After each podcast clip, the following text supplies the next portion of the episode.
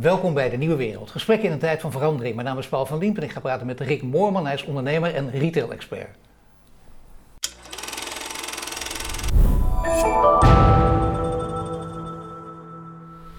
Rick, welkom. Goedemorgen, Paul. Nou ja, de kennis, eh, de kijkers en de kenners, die, die kennen jou allemaal. Hè? Je schuift hier vaak aan eh, sinds het begin eigenlijk van de coronacrisis om een beetje Ja. de, de, de hele maatschappelijke ontwikkeling te volgen. Ook te kijken hoe het met jou gaat en met je bedrijf. De laatste keer dat je hier zat, toen ging het ook over 40 jaar bestaan van je familiebedrijf. En toen was de vraag, hoe gaat het? Hè? Nou, Mhm. Ja. het, gaat, het gaat goed, maar toch ook weer matig gezien deze tijden. Als ik het nu aan je vraag, hoe gaat het dan? Nou ja, er is weinig veranderd ten opzichte van, van de vorige keer. Ehm, maar inmiddels ben je wel zover, ja, je kan wel blijven hangen in, het, in, het, in het, eh, eh, de dingen die niet kunnen. Ja. Ehm, en daar zijn we voor Robert nog niet vanaf. Dus we concentreren op de dingen die wel kunnen. En op het moment dat, eh, dat je je daarop gaat focussen, dan komt de spirit terug, komt de energie terug en dan ga je daar gas op geven. Nou, ga er zo dan- meteen een paar dingen vertellen. Want dat betekent ondernemen is vooruitzien. Dat, dat, dat, Ja. kan, dat kan blijven ja. op een of andere manier weer. Maar je wil niet tegen beter weten in. Eh, als wij eh, als gemiddelde kijker, eh, gewoon, je zet, je zet de tv aan. Je kijkt wat gebeurt. Je ziet de voorman van het MKB. En denk je, nou, er gebeuren allemaal hele leuke dingen. Bijvoorbeeld winkelen op tijdslot. Geweldig, hè? Je, de, de winkel, als je door een stad Ja. loopt, winkels zijn inderdaad weer open. Ja. dat hele onhandige systeem, dat hele gedoe. Heeft het jou geholpen? Nee. Nee. Nee, nee, nee, het antwoord is heel kort Ja. nee. Ehm, het probleem vind ik daarin. Kijk, je, je hebt het over het MKB, want je haalt het meteen aan. Zeker. En ehm, het MKB is, is een verzameling van eigenlijk al die branches bij elkaar. Hè. Het MKB is, is bedoeld voor bedrijven tot 250 medewerkers. Dus die onderhandelaars van, van het MKB, die moeten die hele groep die erachter zit, eh, tevreden gaan stellen. Alleen, zij praten met de overheid. Dus al die brancheverenigingen die geven input aan de onderhandelaars van het MKB. Die zitten dus niet zelf aan tafel. Nee. En daar worden alle input gegeven. En zo'n zo'n hè, zo'n zo'n meneer Vonhof, die doet ongelooflijk Ja, best. Hè, doet ongelooflijk zijn Ja. best om dingen voor elkaar te krijgen. Maar met alle respect, een echte retailman is het niet. Dus op het moment dat er allerlei scenario's op tafel liggen en hij haalt eruit eh klik en collect, is hij ongelooflijk blij. En ik denk dan als retailer, eh, hier heb ik helemaal niks aan. Weet je, dat is het, het minst belangrijke. Eh, eh, winkelen met slottijden, ja, ik heb er eigenlijk niet zoveel aan. Want mensen komen niet opdagen eh, als ze afspraken. Dat geldt niet bij mij, maar in zijn algemeenheid. Eh, het is of te kort tijd. Het, is, het werkt niet. Het is ook niet makkelijk om meteen zo'n systeem neer te zetten. Hoor ik Nee, van heel dat- veel ICT-mensen ook. Die zeggen, ja, dat moet je niet onderschatten. Als je dat heel, goed wilt doen, dat het perfect werkt, dat alleen al. En inderdaad, dat mensen ook komen, alles moet dan kloppen. Ja, En stel dat je opeens voor de deur staat en je- er is toevallig niemand... Want iemand is niet komen opdagen, hè. die heeft Ja. wel... En dan mag jij niet zeggen, ik sta toevallig voor de deur van, ik wil ook even... Nee, dat kan niet, want je hebt je niet ingezet. Dat kan niet, dan officieel ben je dan strafbaar. Dan ben je officieel strafbaar. Ja, en, en, en, en ik denk dat daar redelijk de hand mee geleerd wordt. Want ik denk dat, dat in zo'n spe- specifieke situatie als je net schetst... kan ik me niet voorstellen dat een kleine retailer zegt... meneer, zoek het even lekker uit. Eh, bedoel, en dat bedoel ik met dat MKB. Dat is misschien wel een veel te groot vehikel... om alle belangen op de juiste manier te, te, te, te verdedigen of te, en te behartigen. Want bedrijven tot 250 mensen ja, dan, ga je, ja, dan ben je met grote dingen bezig. Maar wat doen we met die retailer, onderdeel van het MKB, Ja. met vier mensen? Met 60 vierkante meter, 100 vierkante meter. Nou, ik kan me niet voorstellen dat de belangen aan tafel in dit soort gesprekken daadwerkelijk gaan over diegene met vier medewerkers en 100 vierkante meter. Toch is het gek, want dit gaat over heel veel mensen die hier, op, als we Ja. alles erbij tellen, iedereen die daar op een of andere manier mee te maken heeft, dan heb je in totaal zijn het in die hele retail 1,3 miljoen banen, daar gaat het over. Dan zou je zeggen, zo'n 170.000 Vonhof, nee, die weet het dan niet uit ervaring, maar die, die zit wel inderdaad als enige aan die tafel, maar die laat zich toch goed informeren, dus die kan dan toch dat soort verhalen ook voor het voetlicht brengen. Toch gebeurt het niet. Dat snap ik. Maar als al die brancheverenigingen van het MKB de input moeten geven aan die paar onderhandelaars die dan aan tafel zitten. Er zitten zoveel specifieke of branchespecifieke problemen in. Je kan het ook niet verwachten dat zij exact ook alles weten. Nee. Ze krijgen die informatie en dat is ook heel logisch. Men pakt de grote rode lijn Ja. en daar gaat men op schakelen. Wat logisch is als jij in, in, deze stresssituatie eh, dingen van elkaar moet krijgen. Ik zou willen pleiten, maar dan ga- moeten we naar de toekomst toe. Laten we nou eens gaan kijken, eh, als retail belangrijk is, en, en, en uiteraard ik ga roepen dat retail heel belangrijk is. eh, 175.000 winkels in Nederland, zoveel mensen die daar eh, eh, werken. Heel veel mensen die er plezier aan hebben. En een enorme maatschappelijke impact hebben als we dat niet goed gaan reguleren. Waarom gaan we niet praten over een staatssecretaris voor retail? Ja. Ik bedoel, ze zijn nu toch aan, aan het onderhandelen. En als je dat gaat doen, dan kan je een aantal dingen echt daaronder gaan schuiven. En dan, moet ik, dan heb ik het niet alleen maar over eh, eh, belastingwetgeving of financiële, eh, financiële eh, perikelen. Maar wat denk je van het ontwikkelen van binnensteden? Hoe richt ik die winkelstraat in? Wat betekent dat voor de leefomgeving? Eh, we moeten stoppen dat een wethouder gaat bepalen, omdat hij een standbeeld wil, van we gaan nu daar een eh, bouwen en terwijl daar de is. Dat moet, dat moet gereguleerd worden. Nou, dat kan je niet verwachten van een staatssecretaris van Economische Zaken of van Volksgezondheid, dat hij al die invalshoeken die zo specifiek zijn, kan behartigen. Dan komt de MKB aan tafel, die kan dat ook niet. Ik snap het. Is een staatssecretaris. Er zijn meer eh, partijen die nu roepen: ik wil ook een staatssecretaris. Je kan niet het land volgooien en dat hele kabinet vol met staatssecretarissen. Maar staatssecretaris voor retail, dat wordt een zware post zelfs. Als je kijkt hoeveel Nou mensen ja, ermee te maken Bij hebben. retail, als je zegt van je, je retail en je pakt er ook je horeca bij, want dat kan je ook onder retail vallen. En ja, dan wordt die echt groep wel heel groot. En die verdient echt aandacht in Den Haag. Ja. Die Zou jij het willen, Rick? Of niet, eh, staatssecretaris? Daar, eh, Ehm, ja, dat zou ik willen. Ik denk niet dat ik er geschikt voor ben. Eh, maar ik zou dat wel willen. ben je er niet geschikt voor? Nee, dat denk ik niet. Omdat ik eh, denk ik niet geschikt ben voor het hele politieke leven. Nee. Eh, ja, weet je, rechts is recht en krom is krom. En, en, Ja. en, en in de politiek heb ik zo langzamerhand het idee dat je ehm, heel veel kromme dingen moet bedenken om uiteindelijk ergens recht te gaan komen. Eh, Zo zit ik niet elkaar. Nou ja, dat is goed dat je tegen. zegt, omdat je, de, je, je zit er heel dicht bovenop. Hè? Dat, dat merken Ja. de mensen die naar ons kijken ook. Maar ik, ik ken je ook een beetje. Je volgt het van alle kanten, ook het politieke gedeelte. Je hebt ook contact met die mensen, ook met die Kamerleden. Je zet ze flink onder druk. Misschien één Kamerlid er toch uitpikken. nou ja, zeg het maar, wa- wat je wil. Je, gaat nu, je hebt het over Thierry van Aertsen. Ik heb weet het niet als jij die ja, bedoelt, ja. Ja, nou, die bedoel ik ook. Ja. Ja, dat is dan een, een, een specialist van de VVD, zit namens de VVD in de Tweede Kamer. eh, eh, en eh, maakt zich vooral druk over het MKB. Ja. En dan denk ik bij mezelf, oké, maar van die finesses weet je niks. Want we hebben hier een nieuw groot punt te pakken. Hè? Hij zou zich ook sterk maken, moet hij ook, heeft hij ook Ja. beloofd in zekere zin, of niet in zekere zin, laat het maar weg. Heeft hij voor de TVL. TVL, dat verhaal moet je er even denk ik heel goed uitleggen ook. Nou ja, dat, dat, oké. we tegemoetkoming zeker- van Dat gaan we zeker uitleggen, want, want daar zit wel een stukje irritatie. Ehm, de TVL, toevoeging vaste lasten, plus de voorraadvergoeding. Ja. Dat was in eh, eh, eind vorig jaar, Q4, om het maar even technisch Ja. te houden, eh, werd in één keer op 15 december de winkels dichtgegooid. Dat kon allemaal niet aangepast worden. Nee, dat zouden we recht gaan trekken Ja. in de TVL over de eerste periode van dit jaar, Q1. Dan komt er een, een, een- persconferentie, dan worden de steunmaatregelen uitgebreid. En dan vervolgens eh, kan men dat indienen. Nou, allemaal prachtig. Ja. We dienen dat in, ik doe het zelf ook. Ja. En ik krijg een melding dat dat nog niet kan, of dat er maar een stukje kan, omdat Europa daar nog iets van moest vinden. Ja. Toen denk ik, oké, dat is nooit gecommuniceerd. Maar daar word je mee geconfronteerd. Dan heb ik contact met dit Kamerlid en daar maak ik melding van. Dan is het eerste antwoord onzin. Tweede antwoord is, dat die kan niet waar zijn. Ik duik erin. Je hebt gelijk. Bedankt voor de tip. Ik ga kamervragen stellen. Ik kom nog bij je terug over de inhoudelijke kant van de zaak. Nou, daar houdt even de communicatie op. Dan denk ik, waarom doe je dat? Waarom zeg je dat je het niet weet? Als je MKB en eh, ook retailbelangen in je portefeuille hebt, Ja. dan mag ik aannemen dat je hier bovenop gaat zitten. Ja. En, dan is en als je dan een, een mailtje terugkrijgt van bedankt voor de tip, dan denk ik, wacht even, Ja. dit is niet mijn werk. Nee. Ik word ergens mee geconfronteerd. En als je me dan belooft dat je me een antwoord gaat geven, inhoudelijk, dan moet je na een maand na dat mailtje iets van je laten horen. Als dat niet gebeurt, dan denk ik, ja,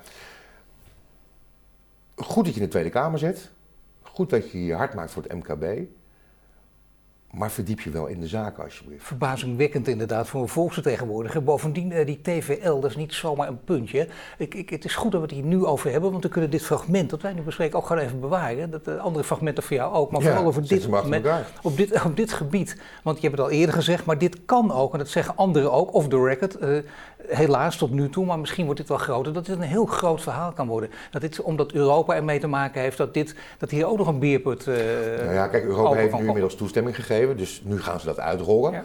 Ehm, maar ja, ook dan kan je daar weer geen informatie over terugvinden. Want ik zit zelf, en dat is natuurlijk het mooiste, dat ik met, als referentie heb ik gewoon zelf. Ik zit nog steeds te wachten op de aanvulling die me toegezegd is. volgens mij zijn we het kwartaal al uit. Ja. Zitten we in het, kwartaal, eh, het volgende kwartaal. Ik heb het nog niet. Ik heb een stukje gekregen, maar daarvoor heb ik niet. Niemand kan me daar antwoord op geven. Sterker nog, ik krijg ook geen antwoord. Het geldt overigens voor de duidelijkheid. Jij ziet het zelf, dat is heel mooi dat je het zelf meemaakt. Maar je hoort het ook van collega's hè, die, die hier precies met ditzelfde euvel de kamp Oh, hebben. Daarom heb ik het over die beerput. Ik bedoel, dit is hoe dit precies gaat. Hoe dit, daar heb jij nu Nou, weinig aan, maar dit die- is wel goed om te weten. Precies, maar die beerput, die, die, daar gaan wel beerputten eh, opengetrokken worden. Alleen op dit specifieke punt. eh, kijk, als Europa toestemming moet geven, dan moet Europa toestemming geven. Dat kan eh, onze minister-president niet versnellen. Nee. Maar wat hij wel kan, is erover communiceren. En op het moment dat jij een persconferentie geeft en zegt van luister, we gaan die steunmaatregelen voor, eh, voor, voor iedereen uitbreiden. Ja? Maar houdt u er rekening mee, daar vindt, u- moet Europa nog iets van vinden. Dus dat kan nog enige tijd duren. Dan weet iedereen waar hij aan toe is. Is het geen leuke boodschap, maar je weet wel waar je aan toe bent. Nou, maar je wil wel weten hoe dat dan precies zit. Want er waren toen ook geluiden in die tijd, hebben we toen ook over gehad. Hè, dat je zegt, nou oké, de minister-president weet dat, heeft dat niet verteld, dat hij wel kunnen vertellen. En ook kunnen zeggen, eh, want hij zegt wel, dit gaat waarschijnlijk door. Dat was de boodschap van de politiek, daar maak je geen zorgen over. Dat is toch het verhaal. Wij schieten het voor. Als we er zoveel vertrouwen in hebben, schieten we het voor. Want het is, en dit is geen klein punt, hè. je hebt dat nodig. Dat, dat, is, dat is nou precies dat ondernemer dat ondernemer maakt, als je succesvol wil zijn. Ik, daarom, jij vraagt mij, ben ik, zou ik dat willen? Ik zeg ja. Eh, ben ik er geschikt voor? Nee. Nee. Om, nee, omdat ik niet zo goed tegen dit, deze manier van communiceren kan. En wat ik in de afgelopen jaar eh, vooral ook geleerd heb, is heel goed luisteren naar bewindspersonen. En dan vooral de woorden die ze zeggen, die moet je niet letterlijk nemen. Je moet eigenlijk gaan nadenken, wat zegt hij dan eigenlijk? Eh, en eh, we hebben nu heel veel consternatie over wanneer gaan die terrassen open, wanneer gaan die winkels open, wanneer gaan we weer terug naar het no- nieuwe normaal. En ehm, je ziet een, een repeterend patroon van onze overheid. Eh, moment dat er een katshuisoverleg gaat komen, dan eh, een paar dagen van tevoren lekken dingen uit. Op het moment dat het uitgewekken, dan komen we aan de praattafels alle eh, specialisten vanuit de wetenschap weer aan de tafel om te roepen dat het vooral niet moet gebeuren. En heel langzaam zie je, en dat is een patroon wat je steeds terugziet. Als je naar de langere kant gaat kijken en je gaat luisteren naar bewindspersonen, dan weet je nu al dat deze semi-lockdown, of die intelligente lockdown, of hoe we het nu ook willen noemen, zeker gaat duren tot eind juni.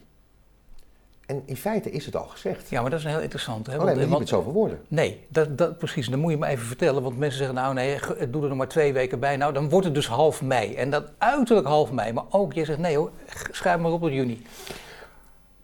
In die hele discussie rond die TVL, die toevoeging vaste lasten, ehm, is op een moment aangekondigd, een aantal weken geleden, dat de TVL voor kwartaal 2, kwartaal 2 begint eh, 31 maart of 1 april en loopt door tot 31 juni oftewel 1 juli. Dat is het tweede kwartaal. En dan wordt er gecommuniceerd vanuit de overheid dat de TVL, omdat er heel veel consternatie Ja. was over die TVL, nou die gaan we nu op 100% zetten in Q2. Wacht even. Je gaat nu roepen dat je voor Q2, die loopt dus tot eind juni, Ja. de toevoeging vaste lasten op 100% gaat zetten. Waarom ga je dat doen als je bezig bent om de maatschappij open te gooien? Ja. Dan zou je zeggen, ja, we hebben een foutje gemaakt, we gaan nu 100% geven met terugwerkende kracht. Nee, je gaat communiceren over Q2, die op dat moment nog moet beginnen. Ja. We gaan dan 100% van de... Ik denk, wacht even, wat zeg je nu eigenlijk? Ja. Eigenlijk zeg je, eh, joh, we snappen dat het allemaal lastig is, maar we weten nu al dat Q2 ook nog dicht is. We gaan jullie nu van stellen, dan gaan we daar 100% geven. Dat is wat ik hoor. Ja? En dan snap ik het patroon van wat ik net schetste.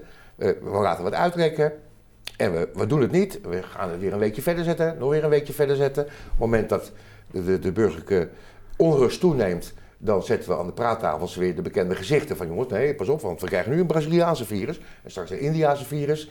En eh, volgens mij komt ook nog een Tesselse virus. En ik bedoel, ja, Ja. eh, Rik het lekker op. Kijk, dat wat aan de hand is, ik zit niet onder een rots. Dat, dat we een gezondheidsprobleem hebben, dat snap ik. Eh, dat we met vaccineren uit moeten komen, wil ik dan begrijpen. Als, dat, hè, als ik dit accepteer. Ehm, en ik zie eigenlijk dat we eigenlijk vooral een zorgprobleem hebben, een ziekenhuisprobleem hebben. Nou, daar kun je alles van vinden. Dan denk ik van, ja, wat heb je het afgelopen jaar gedaan? En dan denk ik bij mezelf, ja, ze hebben er helemaal niet zoveel baat bij om die IC's op te schalen.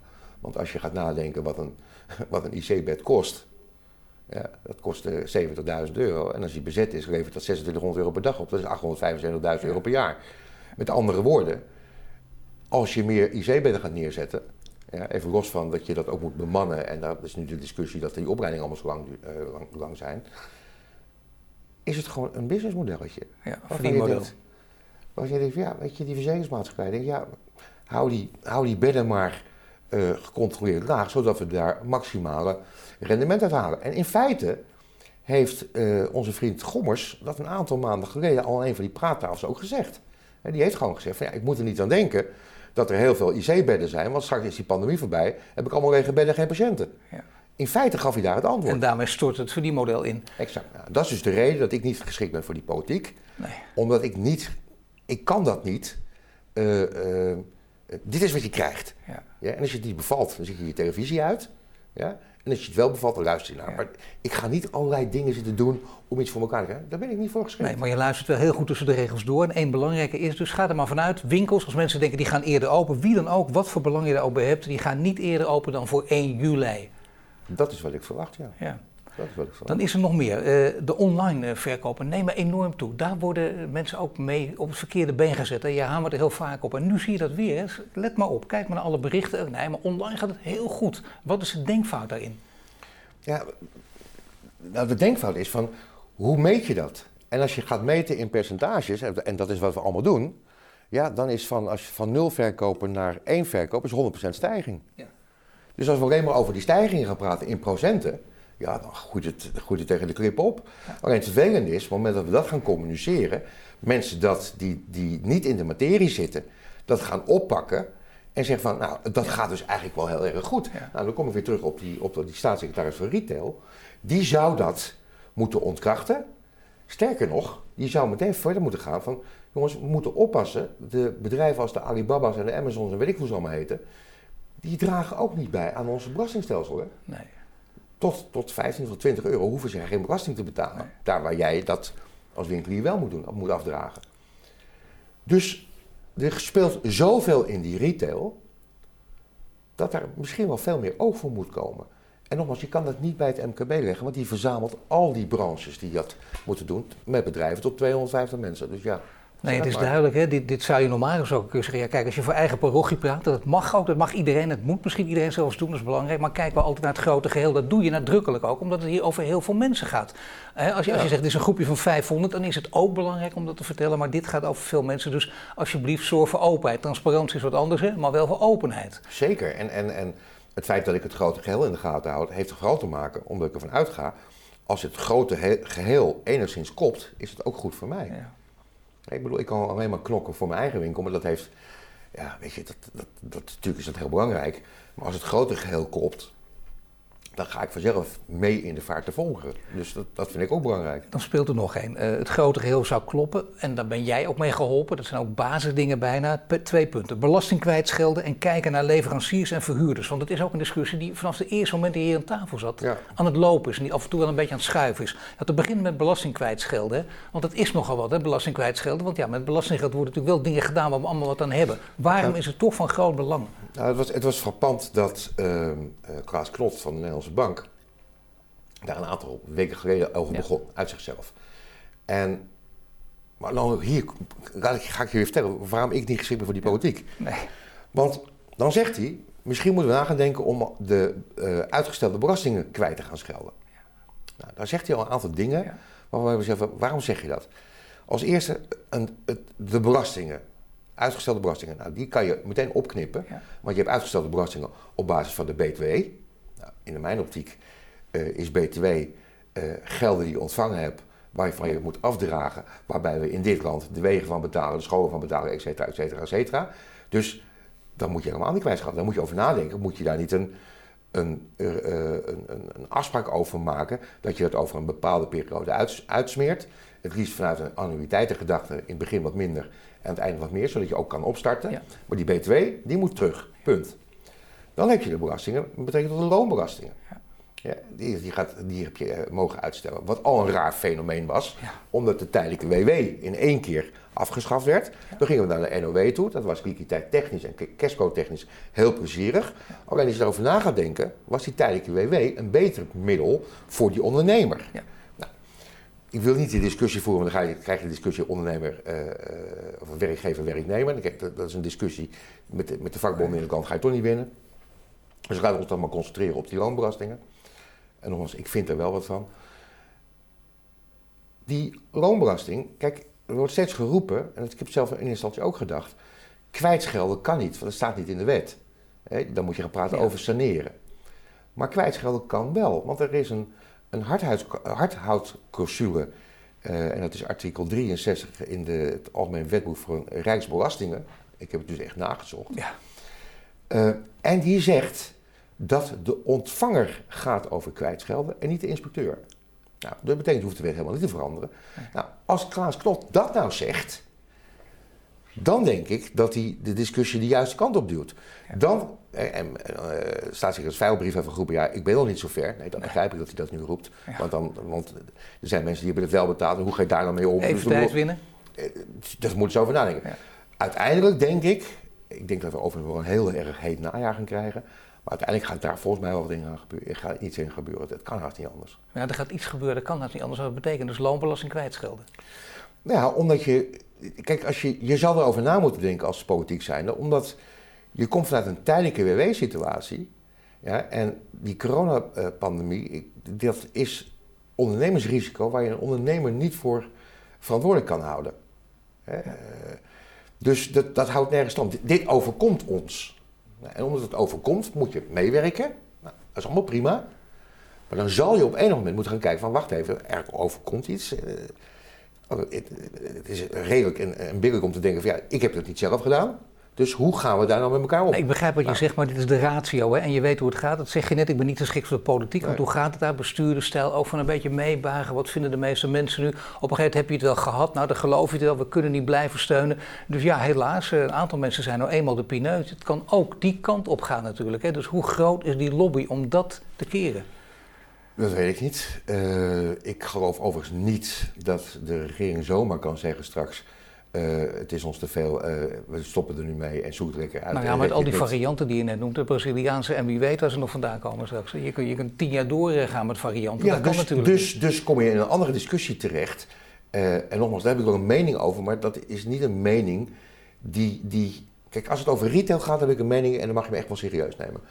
De mening die ik nu ga geven over dit verhaal, ja, dat is voor wat het waard is. Maar ik denk wel dat we moeten leren leven met het feit dat er een, dat er een virus is. En hoe we hem dan noemen, noemen we hem. En dat we daarmee moeten gaan leren leven. En, en het leven is niet zonder risico's. En dit hoort erbij. Nou ja, dat geldt uh, overigens op alle gebieden, hè, met de vaccins ook. Heel ja, klein nee, risico, maar dat komt op vak, niet, dat, nee, maar dat is een ander verhaal. Geen, ander geen, verhaal. geen, mening over wil geven. Nee, maar het is wel, nee, nee maar en, en, toch heb je er heel direct mee te maken, want ondernemen is vooruitzien. Dus jij ja. zult ook stappen moeten nemen. Hè, daar gaat het elke keer om. daar komen we het zo nog even over te spreken. Maar eerst ook de leveranciers en de verhuurders. Want daar spelen natuurlijk ook hele verhalen. We hebben in die tijd dat wij praten steeds van die verschuivingen gezien, met de verhuurders ook. In het begin vrienden tegen elkaar rustig aan, daarna keihard, deurwaarders erbij en nu betalen. Want misschien ben je failliet, dan krijg ik niks meer. Zo gaat het maar door. Waar staan we nu? Op welk punt? Nou, er worden natuurlijk allerlei rechtszaken gevoerd, dus, dus daar komt natuurlijk allerlei uh, jurisprudentie uit. Um, kijk, het is een hele keten en daar hoort die vastgoedondernemer uh, ook bij. En die wordt ook maar gesteund op dezelfde manier als wij gesteund worden. Ja. En ze hebben wel een punt als ze zeggen de TVL, even los van de discussie die we net al gevoerd hebben, staat voor toevoeging vaste lasten. Dus als die vastgoedeigenaar daar een stukje van claimt in zijn huurbetaling, is dat natuurlijk wel terecht. En daar wordt natuurlijk heel moeilijk over gedaan. Maar daar hebben ze wel een punt. Ja. Toevoeging vaste last, het woord zegt het al. Daar zit ook een stukje huurbijdrage in. Nou ja, en wat, wat, wat, wat, je vaak ziet is dat die ondernemer, die krijgt wat geld binnen en dat gaat daar naartoe. En vervolgens gaan we kijken waar we kunnen vechten en gaan dreigen. Ja, dat gaat niet werken. Wat er uiteindelijk moet gaan gebeuren, is dat maar dat is een heel breed. Er zal iemand de leiding moeten nemen. En de leiding, we kijken nu, ik kijk echt naar Den Haag. Daar zal de, de, de leiding van vandaan moeten komen. Daar moeten die piketpaaltjes in de grond geslagen worden. En binnen dat speelveld moeten er oplossingen komen. Maar dan is het wel handig als je ze, als je ze helpt. Want uh, dat zie je aan alle kanten, dat ze het vaak ook niet weten. Dat ze zelf het spoor bij ze zijn, of in ieder geval uh, dertig verschillende ideeën op tafel hebben. Wat, ja. is, wat is dan de beste oplossing?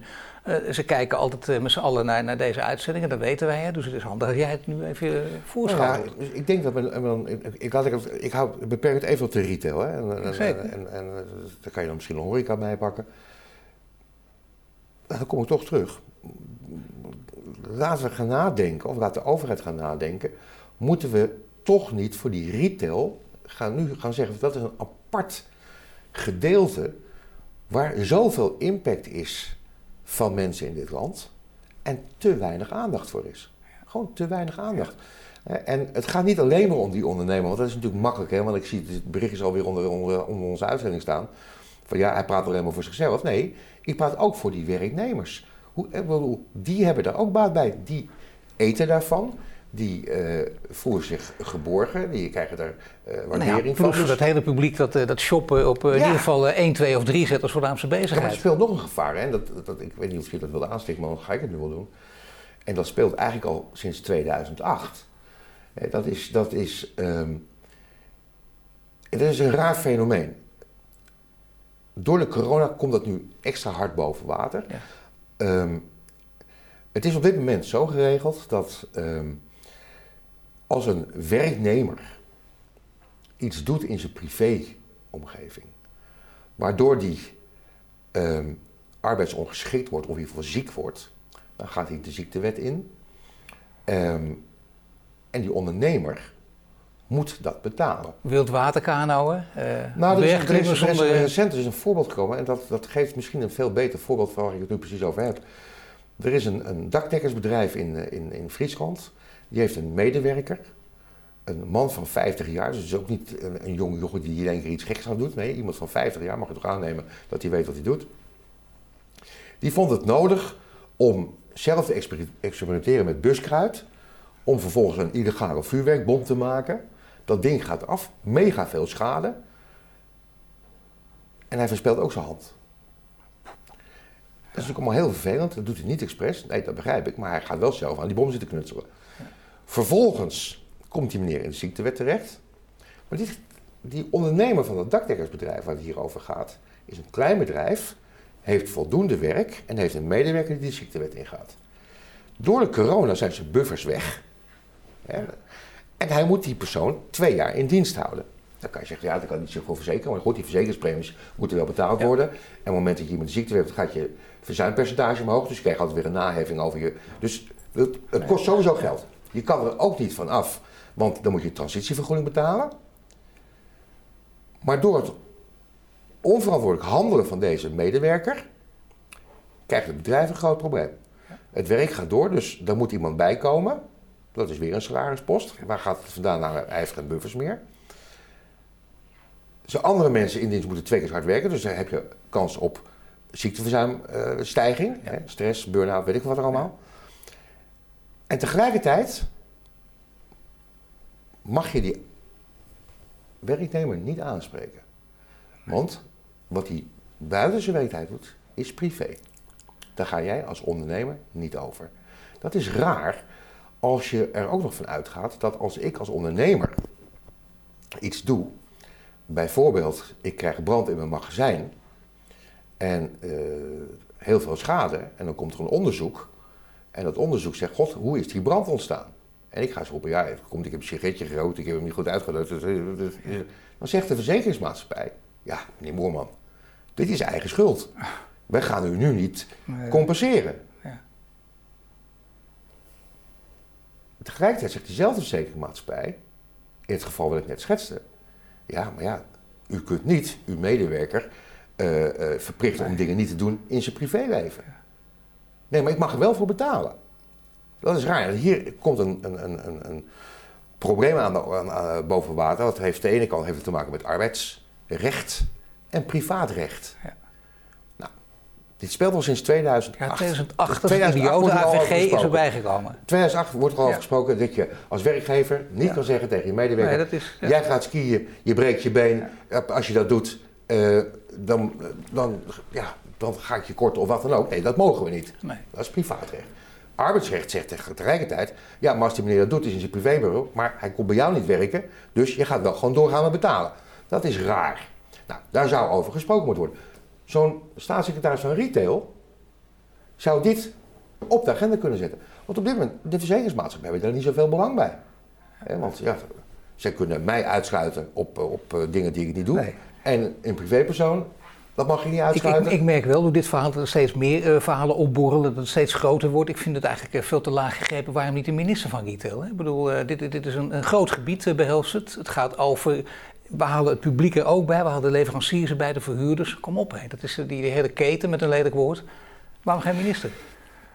Ja, daar heb ik niet over nagedacht. Dat, dat, dat, nee, maar dat eh, zou kunnen. Hè? Ik bedoel, eh, je kan het zo groot maken, toch? Ja, je kan, je kan het heel groot maken. En, en, en, maar dat is logisch vanuit mijn perspectief. Als we praten over, over retail, dan is dat een heel groot verhaal. Maar zo kan natuurlijk iedere branche iets gaan roepen. Dus, dus dan, voor je het weet, heb ik eh, nog twintig ministers bij. Dus ik denk niet dat dat een werkzame oplossing is. Laten we kijken naar de toekomst. Want dat, dat wil je als ondernemer, dat heb je vaak genoeg op benadrukt. Dat zeggen alle ondernemers ook die hier aan tafel komen, die roepen ondernemen is vooruitzien. En dat is niet zomaar cliché, dat, dat, dat is ook de werkelijkheid. Dat moet ook. Dus je moet er ja. minstens twee, drie jaar vooruit kunnen kijken. Je hebt natuurlijk wel gezien, dat is, dat is wel een van de voordelen van corona, dat, die, dat die, misschien die wereld ook eens op zijn kop gezet moet worden. Dat er een paar dingen veranderd moeten worden. Voorraden, heel lang van tevoren betalen. Eh, de winterkleding eh, in de zomer in, in de winkel leggen en omgekeerd. Dat, misschien werkt dat ook niet. Zijn er op dat gebied veranderingen te verwachten? Of zie jij, zie jij eh, laten we zeggen, eh, nou, wel, wel foutjes? Of, of eh, eh, ja, dat je denkt, nou, ik prik hier doorheen. Dit, is, dit hebben we jarenlang niet goed gedaan met z'n allen. Dat kunnen we nu veranderen. Nou ja, eh, je geeft het zelf al aan. Eh, het meest voor de hand liggende is eh, dat mijn branche, nou praat ik over de kledingbranche, het heel normaal vond om eh, eh, begin januari eh, korte broeken te laten binnenkomen. Ja, Ehm, ehm, terwijl jij zegt, god, ik heb je een, heb je een warme winterjas? Ja. Eh, nee meneer, daar ben je te laat voor. Ik heb nu wel korte broeken. nee, dat had u in juli moeten zijn voor die warme winterjas. Ja. Dat wat best raar Nou ja, is. dus dat is een voordeel nu, dat we nu allemaal wel zien, ja, dat is allemaal niet zo handig. Dus we gaan veel meer ehm, op tijd, op basis van de behoeften van die consument, te leveren. We hebben altijd weer een groep consumenten over, dat zijn de early adopters, die willen vroeg dingen hebben. Tuurlijk. Maar in de extremis die we hadden, dat is nu al weg. Dus we gaan het veel korter eh, zoeken op de seizoenen. Kunnen alle leveranciers dat? Nee. Eh, zullen die dan om moeten? Ja. Maar dat betekent ook dat die retailer, ik dus, ook moet realiseren, als ik die korte broeken waar ik het net over had, laat binnenkomen in, op het moment dat ik ze nodig heb, laten we zeggen begin mei, omdat het weer dan enigszins eh, opgaat, dan moeten we ook niet zeggen, dan gaan we in juni dat lekker uitverkopen. Nee. Eh, want, want dan maken we die seizoenen heel erg, extra, eh, heel erg kort en dan kan die leverancier ook niet mee. Maar dan kun je dus zeggen sowieso de uitverkoop afschaffen. Of inderdaad, zoals in België bijvoorbeeld, tot een bepaalde periode eh, beperken. Nou, d- dat, dat punt zijn we al lang voorbij, dat we eh, de uitverkoop kunnen reguleren, reguleren. Dat gaat niet meer gebeuren. Dat, dat, dat- Ook niet met die staatssecretaris. dat ga die je, jij, eh, nee, dat ga je niet vinden. Nee. Nee, en, en, en ik denk dat dit moet vanuit de branche zelf komen. Moet echt vanuit de branche zelf komen. Want het is natuurlijk ook raar om de uitverkoop in een bepaalde periode vast te leggen. Eh, Ik bedoel, eh, je ziet dan heel veel winkels die dan hun winkel gaan ombouwen omdat het uitverkoop is. Eh, dan is het in één keer goedkoper. Eigenlijk, eigenlijk zeg, communiceren ze daarmee naar die consument. Ja, jij bent eigenlijk minder waardig, want ik ga mijn winkel minder mooi maken. Want eh, je gaat er minder geld aan geven, dus Ja. eh, ik neem jou niet serieus. Nou, dat is natuurlijk ook niet zo'n hele... Ziet er opeens een prachtige winkel als een magazijn uit als je binnenkomt. Dat is heel ik begrijp, gek, ik begrijp, Maar ik begrijp die ondernemer ook overigens niet. Maar goed, dat is wat er gebeurt. Nou, dat wil je niet. Want ik ga ervan uit dat als jij geld uitgeeft, dat je daarvoor gewerkt hebt. Als je ervoor gewerkt hebt, heb je een inspanning gedaan. En we willen allemaal, op het moment dat je een inspanning gedaan hebt, je krijgt er geld voor, dan wil je dat op een leuke manier uitgeven. Even los van wat je kan uitgeven. Dus als iemand bij mij binnenkomt en hij heeft maar 100 euro in zijn portemonnee zitten, eh, dan, en die- hij wil dat bij mij besteden, dan moet ik daar een feestje van maken. Ja. En het moet niet het verschil zijn omdat ik toevallig uitverkoop heb of niet. Dat, dat, dat is niet goed. Dus daarmee kunnen we eh, ehm, eh, ver- gewoon vergeten dat je daar in vaste periodes naar een uitverkoopperiode toe gaat. Veel beter zou zijn, is, en dat, dat trek ik mezelf ook aan, dat die ondernemer, die modeondernemer, heel goed moet nadenken. Wanneer wil ik welke spullen in huis hebben? En weer, wanneer wil ik welke spullen afscheid van nemen? dat wordt lastig, want de consument is inmiddels opgevoed dat je overal met korting iets kan krijgen. Ja. Nou, ook dat gaan we niet veranderen.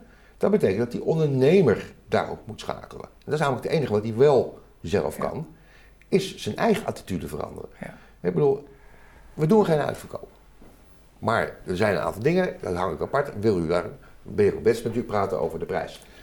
Maar, en dan wordt die winkelstraat rustiger. Dan wordt het ook gezelliger weer in die winkelstraat. Want ik, ik wel eens gekscherend gezegd. Er is één merk wat heel Nederland verkoopt. Dat is het merk Salé. Nou, dat, is helemaal niet zo exclusief. Oh, het is sale natuurlijk. Nee, maar ik zie overal het woordje Salé staan. Ik denk, nou, dat merk verkoopt iedereen. Dat ga ik niet verkopen. Eh, Dus dan wordt de winkelstraat ook leuker van. Maar ja, en daarmee kan je dat oplossen. Maar dat betekent wel dat je, en dat leert die corona-epidemie, en daar, dat was je vraag, die hele keten zal veel beter moeten gaan samenwerken. Veel Ja, beter goed, gaan dat, dat, dat, is een enorme verandering, vind ik dat, als dat gaat gebeuren. Maar ik denk dat die boodschap Ja. wel is ingedaald. Nu zijn er wel een paar verschillende mensen die, eh, die, als je naar de toekomst kijkt, verschillende meningen en opvattingen. Er zijn mensen die zeggen, let op, eh, straks in, in, in het najaar, er gaan er heel veel faillissementen komen. Die zijn aangekondigd, eh, die zijn uitgesteld, maar let op, de winkelstraten worden leeg en dan krijg je echt een groot probleem. En er zijn mensen die zeggen, nou, het zal allemaal wel meevallen. Want er zijn heel veel mensen die in vaste diensten, die hebben, die, het geld komt toch gewoon binnen, die hebben het opgepot, die moeten dat uitgeven. Dat zit ook in de mensen, we hebben dat, Zeker. we kunnen het niet vasthouden. We gaan, dus het komt vanzelf allemaal wel weer goed. Ja. Wa- Wat, wat is het dichtst bij de waarheid? Nou, die is er niet. Die ligt altijd in het midden, zoals je weet. Ja. Ja, ik denk dat, dat, dat het moment dat, eh, het, dat we weer mogen, dat die consument gaat besteden. Daar ben ik helemaal van overtuigd. Eh, dan wordt het weer geweldig. Alleen, en nou komt toch weer die overheid om de hoek kijken. Hoe gaan we om met al die uitgestelde belastingen? Ja, terug waar we net waren. Ja. Kijk, als iedereen tegelijkertijd op hetzelfde moment zegt van luister, we willen nu al die gelden die uitgesteld zijn of geleend zijn of wat dan ook, nu hebben, dan wordt die berg zo hoog, dan kan dat aankoop van die consument, gaat dat niet recht tegen. Want die seizoenen lopen ook door, want je normale dingen lopen ook door. Als we net de conclusie trekken dat het wel eens kan zijn dat we pas eind juni weer terug zijn naar een redelijk eh, winkelniveau, dat we open kunnen, dat we aan de gang gaan. Dat betekent dat al die voorjaarsgoederen die nu in die winkels zijn, dat is het tweede seizoen op rij, hè? want die wintergoederen van afgelopen jaar zijn mondjesmaak weg en die zullen nog links en rechts wel in die winkel zijn. Dan komt het zomerseizoen, dit seizoen, overheen. En Ja. augustus komt er dan weer aan. Dus als we zeggen we gaan in juni, dus dan hou je juli, augustus over. Dat gaan we niet wegpoetsen. En dan komen die, die, die eh, problemen om de hoek kijken. Dus de faillissementen. Want dit moet nog betaald worden. Als dat van de winter al nog niet betaald is. De nieuwe goederen moeten komen. Ja. En die verzekeringsmaatschappijen en de kredietmaatschappijen hebben allemaal geroepen: ja, wacht even. ehm, betaal dan maar vooruit. Nou, dat kan die ondernemer helemaal niet. Als dan ook nog eens een keer de overheid komt, de BTW moet terug, de loonbelasting moet terug, eh, dit moet terug, dat moet terug, zus moet terug. dat- Waar moet die man het van doen? Nou ja, dan hangt er dus wel, dan hangt er dus in, dan is, heeft de, de overheid een ongelofelijke verantwoordelijkheid, in dit Enorm. geval een enorme verantwoordelijkheid om te zorgen dat die, dat die winkelstraten niet, eh, niet, Ja. leeg gaan, En- va- en- niet leeg gaan vallen in het najaar, want zo dichtbij is het dan. Ja, en, dan, en als dat in het najaar niet gebeurt, dan kan. Kijk, kijk, het, het, het, het, het, eh, het mooie van een ondernemer is dat hij altijd positief gestemd is. Ja. Eh, Je ziet altijd, die, die, dat is een opportunist. Ja. Eh, Dus die ziet altijd wel weer een gaatje waarbij die licht in die tunnel zit. Dus die zal blijven zoeken. Dus dan zal het misschien niet najaar zijn, dan wordt het volgend voorjaar. Maar dat het gaat gebeuren, dat is zeker. Want dat is niet vol te houden. Nee, maar jij zegt zelf aan het begin van dit gesprek, eh, ik, ik moet oppassen dat ik niet erin ga hangen of in blijf hangen. Natuurlijk niet, dat wil je ook niet. En, en eh, de mensen, alle mensen die jou kennen weten dat, dat jij het tegendeel van, van zo iemand bent. Maar er gebeurt nogal wat, de ene klap naar de ander. En, en het, het, het wordt opgerekt en uitgesteld en, en het gaat maar door. Wat, is- wat is voor jou misschien wel tegen beter weten in dan toch de reden dat je zegt, ik kijk redelijk positief naar voren. Want ik zie nogal mogelijkheden. Nou ja, ik zie de mogelijkheden en ehm, ehm, eh, wat je net terecht zegt, op het moment dat we open gaan, denk ik inderdaad dat die consument weer gaat consumeren. Ja. Die hebben al die tijd dat geld niet uit kunnen geven. Dus dat gaat richting horeca, dat gaat richting evenementen, dat gaat richting de reiswereld. Dat moet allemaal weer opgestart worden, maar dat gaat terugkomen. Dat is, het zit nog eenmaal in de mens dat we dat willen. We willen fysiek contact, we willen oogcontact, we willen... Dus dat komt wel weer terug. Ja. Alleen, dat heeft tijd nodig. Dat tijd nodig moet je dan dat wel gunnen. Waarom ben ik positief? Omdat ik denk, als we het maar goed genoeg communiceren en het gaat gebeuren, dat men in Den Haag, en ik kijk echt naar de camera nu, dat men daar wakker wordt en zegt: Oké, we moeten nu gaan nadenken. Even Hans Wiegel, hier kijk maar even. Ja, Daar nee, staat hij. Pak nee, maar maar even. Nadenken over hoe gaan we zometeen na deze tijd aan de gang. Ja. Ik bedoel, als ik terughaal wat meneer Klaas Knot een jaar geleden gezegd heeft aan die praattafel, waar ik heel, heel, boos over geworden ben. En nog, omdat ik dat niet pas vind houden dat je dat op dat moment zegt. Maar stel nou dat hij inhoudelijk die woorden nog even pakt. Dat hij zegt, als jij niet op 30% van je capaciteit kan werken, ben je in de basis niet gezond. Dat heeft hij gezegd. Nou, daar ben ik heel boos over, dat vind ik nog steeds een belangrijke uitspraak. Als je daarmee zegt, na een jaar verder, het wordt nu lastig, want we komen onder die 30% en gaan maar even, hij, noemt het de belastingen kwijtschelden. Nou, misschien moeten ze dan in Den Haag gaan nadenken, hoe gaan we dit in, inrichten? En daar ligt een taak voor meneer Veilbrief. Maar ja, we zijn met aan het formeren eh, en dat kan ook wel heel lang duren. Ik denk dat er wel heel, dat er snelheid gemaakt moet worden eh, om dit op te lossen. En als dat niet met een nieuw kabinet dan moet het depositionaire kabinet het maar doen. Of ze gaan een taskforce inrichten die een aantal carte blanche zaken gaat krijgen om die dingen te gaan onderzoeken en er klaar te zetten. Maar er moet iets gebeuren. Doen ze dat niet, dan weet je zeker dat de problemen groot zijn. Oké, we houden dit bij je. Over een tijdje zit je hier weer. Zeker, Gewoon ja. kijken tot het helemaal gewoon echt helemaal in, in de goede richting is afgelopen. Ook voor jou. En dat je echt letterlijk weer vooruit kan kijken. Dankjewel, Rick Moorman. Graag gedaan. Dank je.